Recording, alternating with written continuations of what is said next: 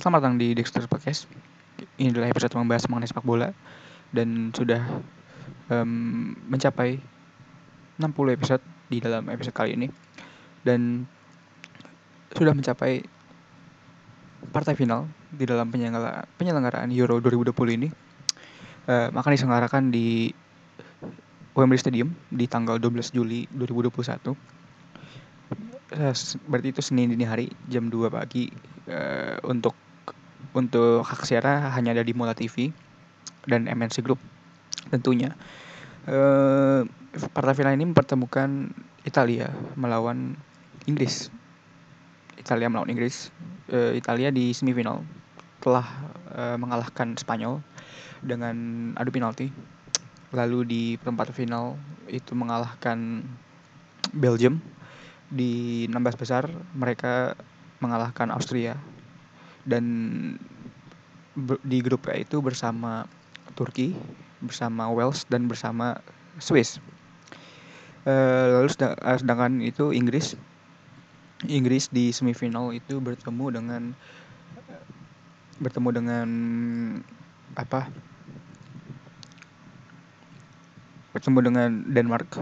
Lalu di perempat final itu bertemu dengan um, Ukraina di 16 besar mereka bertemu dengan Jerman dan di fase grup mereka berada di dalam grup D yang beranggotakan Kroasia, Skotlandia dan Ceko.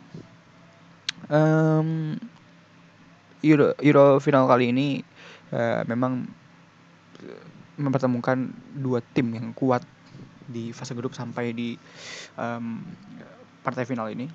Uh, Italia uh, mereka tentunya ya ingin memperpanjang rekor positif mereka yang setelah ditunggangi Mancini 33 kali pertandingan beruntun gak pernah kalah.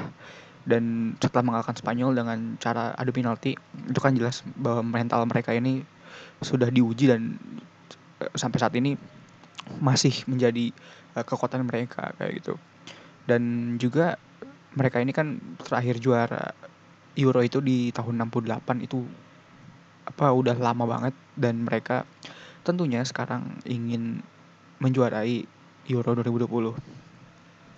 Italia secara squad depth pemain itu memang sangat-sangat luar biasa sih.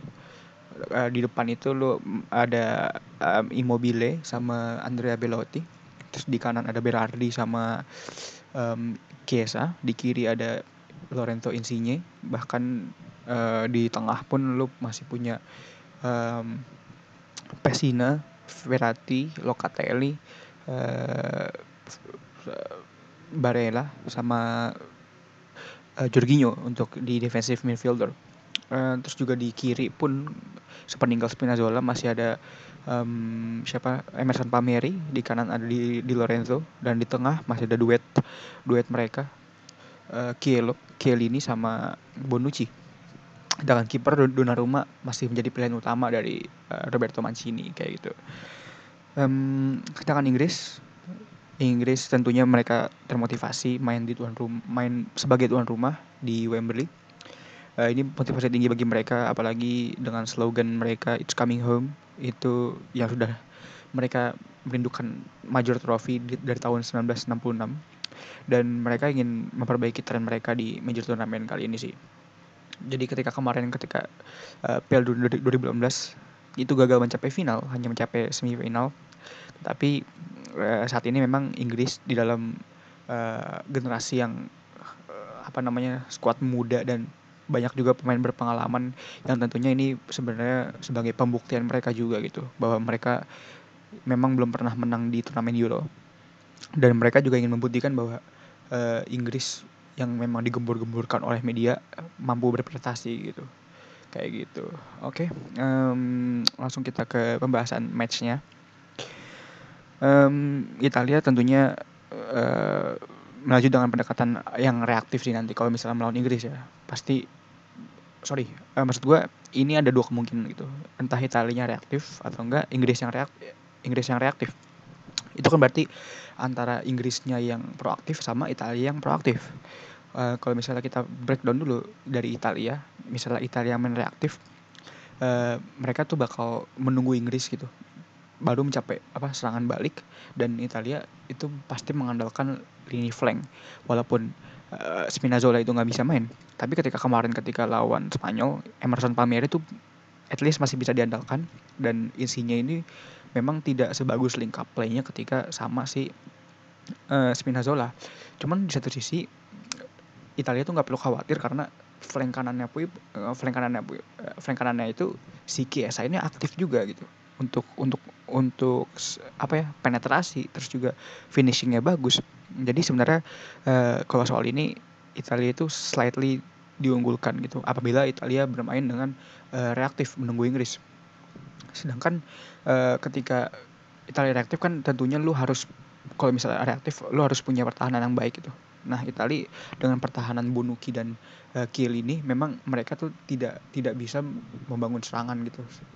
Ya memang dia sebenarnya dua dua defender ini kalau gue bilang memang bukan dua dua defender yang modern. Cuman di satu sisi Bonucci ini bisa, loh lompas lompas yang lumayan bagus gitu ke depan. Tapi kalau misalnya Kiel ini memang nggak punya uh, apa namanya offensive minded sih kayak gitu.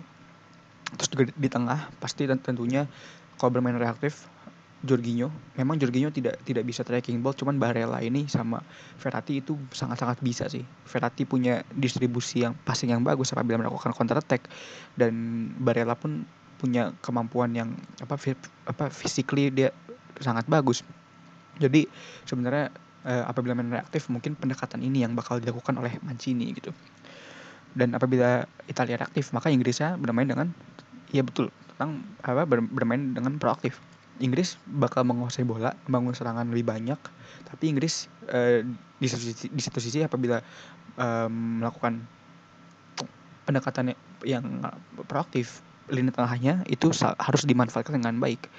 Calvin Phillips sama Declan Rice ini duet yang nggak pernah digantikan oleh Southgate gitu, walaupun memang uh, duet ini kan sebenarnya relatif baru ya, baru di Euro kali ini, tapi cukup sukses buat uh, defensif atau ofensifnya. Calvin Phillips punya kemampuan ofensif juga, terus juga physically juga bagus. Sedangkan Declan Rice melakukan apa dirty job dengan baik, membantu pertahanan juga sering. Apalagi kalau di depannya ada Mount, itu mungkin lu punya opsi kreatif yang yang memang ya bisa diandalkan gitu. Nggak nggak cuma dari Sterling doang. Kalau dari kiri ya, kalau Sterling kan dari kiri. Dan opsi serangan Inggris selain Sterling memang ya Mount tadi gitu. Apabila kita breakdown lagi Inggris itu mirroring Jerman ketika main 3 back. Itu kan meniru Jerman main 3 back. Nah di opsi kirinya itu si Show itu bisa sangat bebas gitu. Uh, mengeksploitasi, mengeksploitasi kirinya Jerman gitu. Eh kanannya Jerman jadi jadi mungkin kalau menurut gue ini bakal jadi pertandingan yang nggak bisa ditebak sih line up ya si Southgate ini. Empat empat back mungkin kalau misalnya 4 back di kanannya pasti ke Walker tentunya. Ke Walker ini ya sangat baik kalau main 3 back di kanannya mungkin si Trippier karena tiga uh, Walker itu pindah ke tengah. Tapi kalau main, main 3 back uh, Inggris tuh nggak nggak punya opsi kreatif gitu. Jadi ya bagusnya sih main reaktif kalau main kalau main 3 back. Cuman kalau main proaktif pasti Inggris main 4 back gitu. Karena ya mengandalkan opsi kreatif di tengah Mason Mount itu tadi. Kalau misalnya main tiga back pasti Mason Mount gak bakal main kayak gitu. Dan untuk uh, serangan pun Harry Kane sudah rajin mencetak gol kemarin mencetak gol penalti uh, penalti kemenangan. Dan menurut gue uh, Harry Kane ini uh, harusnya bisa bounce back dari beberapa match itu nggak bisa cetak gol dan akhirnya mereka uh, Harry Kane itu bisa cetak gol turn backnya kan lawan Jerman. Jadi menurut gue uh, ini bisa jadi senjata yang diandalkan oleh uh, Southgate gitu. Nah uh, untuk kemungkinan kedua Inggris yang bermain lebih uh, reaktif. Sedangkan berarti Italia yang bermain dengan proaktif. Nah apabila Italia bermain dengan proaktif maka yang harus dilakukan sama Mancini adalah uh, memaksimalkan segala peluang gitu karena kenapa Italia ini ketika lawan Spanyol itu memang tidak menguasai bola cuman kualitas serangannya itu juga bagus gitu uh, insinya itu beberapa kali merep merepotin banget uh, apa namanya back-back Spanyol. Nah, ap apabila main proaktif itu kan pasti mereka lebih banyak menyerang, lebih banyak menguasai bola gitu. Dan jadi ini harus dimanfaatkan oleh uh, pemain depan dari Italia gitu. Cuman Italia kan kasarnya semua pemain ini kan bisa cetak gol gitu. Barella bisa pernah cetak gol. Terus juga Immobile pernah cetak gol, insinya apalagi Ikiesa apalagi itu kan jadi apa ya jadi salah satu kekuatan Italia gitu kalau buat main dengan uh, proaktif dan pasti fungsi gelandangnya Jorginho itu harus sering-sering um, providing the ball ke depan melakukan end passing dan Verratti pun harus sering-sering jemput bola ke belakang dan uh, distribusi bola ke ke tengah gitu ke Barella atau uh, bahkan ke flanknya juga bisa bisa langsung ke Insigne. Ini juga kan sebenarnya kekuatan Itali dari flank walaupun Spinazzola nggak main cuman Emerson Palmieri kema ketika lawan Spanyol tuh lumayan bagus gitu. Nah kalau misalnya Itali bermain dengan proaktif juga seperti yang tadi gue bilang uh, squad depth Itali kan banyak banget jadi mungkin lu bisa bermain dengan ya cuman feeling gue ya pasti bakalan Verratti sama Berar, uh, Barella gitu bukan Locatelli. Walaupun Locatelli ketika Italia main proaktif di awal-awal ketika lawan Turki sama Wales sangat bagus gitu. Uh, gitu sih kalau untuk Italia yang bermain proaktif itu ya. Uh, previewnya ya. Maksud apa bukan preview kemungkinannya ya. Bakal kayak gitu sih. Jadi memaksimalkan peluang sekecil apa pun. Karena kalau main proaktif itu tentunya lebih banyak peluang. Dan kualitas peluang Italia sangat bagus jadi harus dimanfaatkan sih. Sama sama pemain depan Italia dan Mancini pun ketika main proaktif juga tentunya apa punya pendekatan yang yang kasarnya uh, lumayan baik itu. Karena Mancini kan pelatih yang mengandalkan sebuah sistem. Jadi ketika bermain proaktif tentunya uh, apa namanya bisa dibilang bagus sih kalau buat Mancini gitu. Uh, sedangkan Inggris ketika Inggris apabila Italia main proaktif, Inggris main reaktif. Ini ketika lawan Jerman itu Inggris bermain reaktif. Bermain dengan tiga back, Walker, eh sorry, uh, dari Maguire, Stone sama Walker. Nah, pentingnya Inggris main reaktif adalah Maguire ini itu pemain yang bisa dribbling bola dengan baik, providing bola dengan baik. Jadi ketika counter attack itu dari belakang itu langsung lancar gitu. Terus di tengah juga ada Calvin Phillips sama Declan Rice yang mungkin bakal jadi pemutus serangan dari uh, Italia ya. Italia ketika kemarin Spanyol itu di tengah mereka tuh mati gitu. Verratti, Barella sama Jorginho tuh gak kelihatan lah kasarnya karena Busquets sama Pedri sama Koke main bagus. Nah, Inggris pun harus sama gitu. Ya kena apa namanya? ngapain aja gitu. Philip sama Declan Rice itu harus apa namanya sebisa mungkin buat mutus serangan sama buat menekan uh, gelandangnya Italia itu sampai bawah gitu. Soalnya ketika mereka sampai bawah ini kan space antara pemain tengah sama pemain depan itu kan jauh. Jadi mereka ketika bermain dengan proaktif itu mereka nggak bisa providing the ball dengan baik gitu. Mau mau nggak mau long ball long ball ke depan. Dan ini harus dimanfaatkan sama back-back Inggris. Stone sama Walker itu punya apa coverage yang bagus um, ketika di City pun sama apabila main tiga back mungkin kalau main reaktif ya flank itu pasti bisa diandalkan gitu Show sama Trippier itu punya offensive minded yang lumayan bagus. Jadi uh, untuk permasalahan serangan ketika counter attack pun ketika bermain reaktif itu bisa dari tengah bisa dari kanan gitu atau uh, sorry dari flank kanan dan kiri.